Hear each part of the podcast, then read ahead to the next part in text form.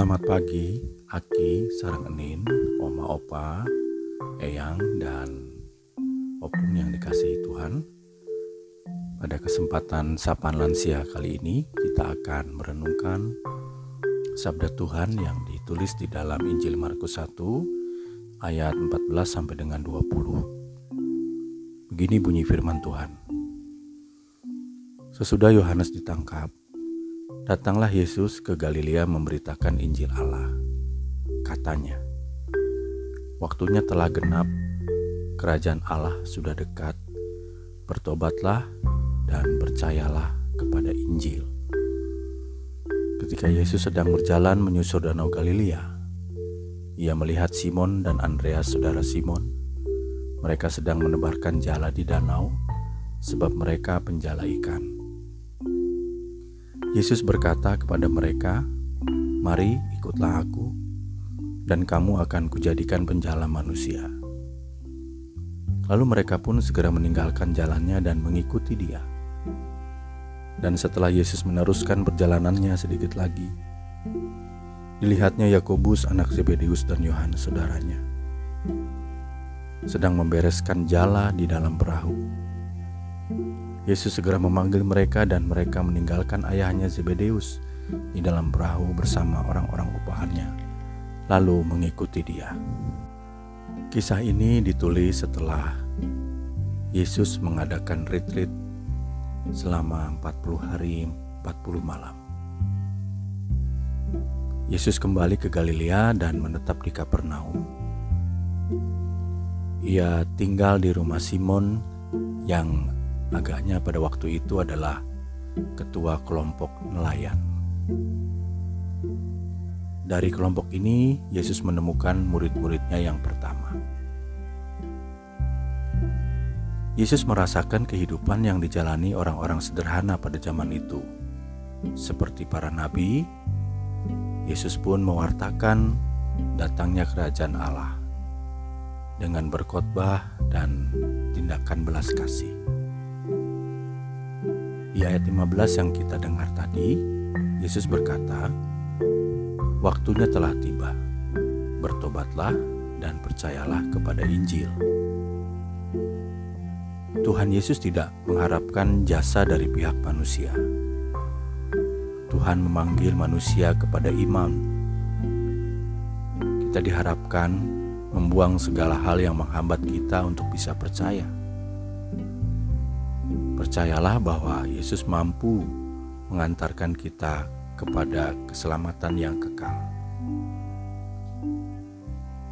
Ketika Simon, Andreas, Yakobus, dan Yohanes dipanggil Yesus, mereka langsung mengikuti Dia. Mereka meninggalkan keluarga dan pekerjaan mereka, lalu hidup bersama Yesus.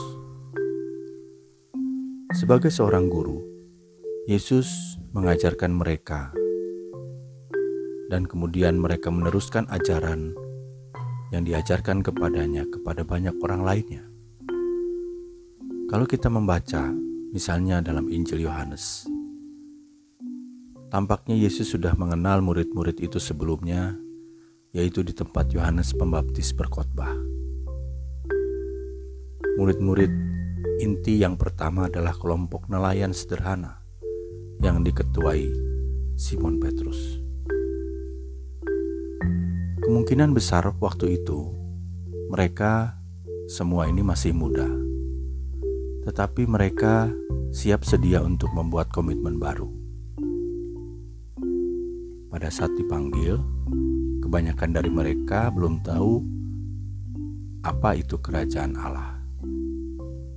Demikian juga keadaan kita pada waktu kita mengawali panggilan hidup kita. Entah panggilan kita sebagai seorang guru, orang tua, kita sebagai pekerja, sebagai ibu rumah tangga, atau panggilan hidup kita yang lain. Kita hanya tahu samar-samar arti panggilan kita. Kita belum tahu ke mana kita akan dibawa pada awalnya pasti seperti itu. Kita hanya menyerahkan diri kepada Yesus yang akan membimbing kita selanjutnya. Dan itulah permulaan dari perjalanan iman kita, suatu perjalanan yang penuh dengan dinamika. Setiap saat Tuhan memanggil kita, setidak-tidaknya Ia membisikkan dorongan agar kita menekuni panggilan yang sedang kita jalani. Pada saat-saat tertentu, Tuhan membiarkan kita dicobai agar kita semakin mengenali pertumbuhan dan kualitas jawaban kita. Pada saat-saat lain, Tuhan memberi kesempatan kepada kita untuk melihat buah-buah baik dari panggilan kita.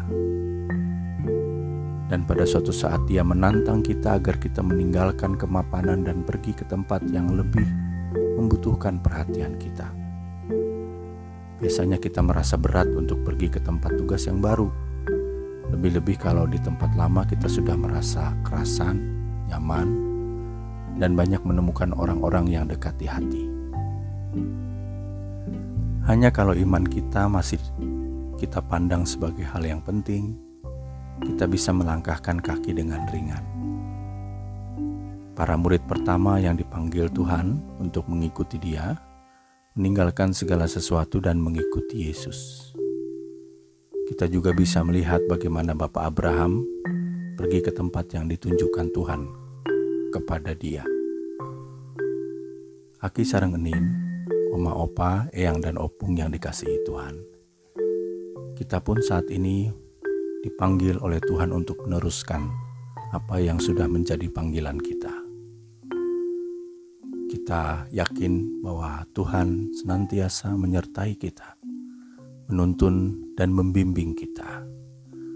Dengan apa yang kita lakukan setiap hari, kita diajak untuk terus mewartakan kabar baik bagi banyak orang, terutama bagi generasi-generasi sekarang ini dan generasi yang akan datang.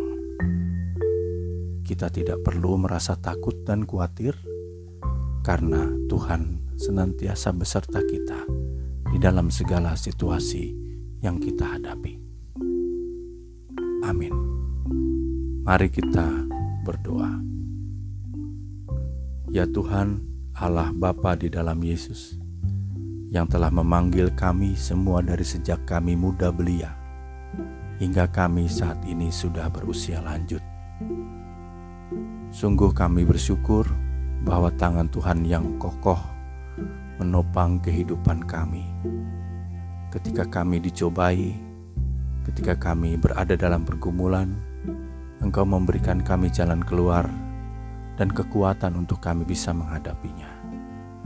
Bahkan ketika saat ini kehidupan kami dipenuhi dengan berbagai macam tantangan, Engkau masih memberikan kekuatan kepada kami.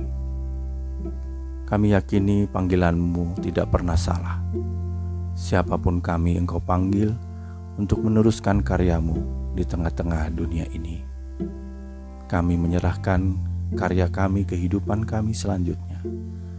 Nilai-nilai yang kami wariskan bagi anak menantu cucu cicit kami, kiranya diberkati Tuhan, sehingga mereka akan terus berkarya bagi nama Tuhan, bagi kemuliaan Tuhan. Kami menyerahkan sepenuhnya kehidupan kami ke dalam kasih-Mu, ke dalam panggilanmu yang penuh dengan kuasa itu. Karena kami percaya di dalam Tuhan kami menemukan berkat, kekuatan, serta perlindungan. Di dalam nama Allah Bapa, Anak, dan Roh Kudus kami berdoa. Amin.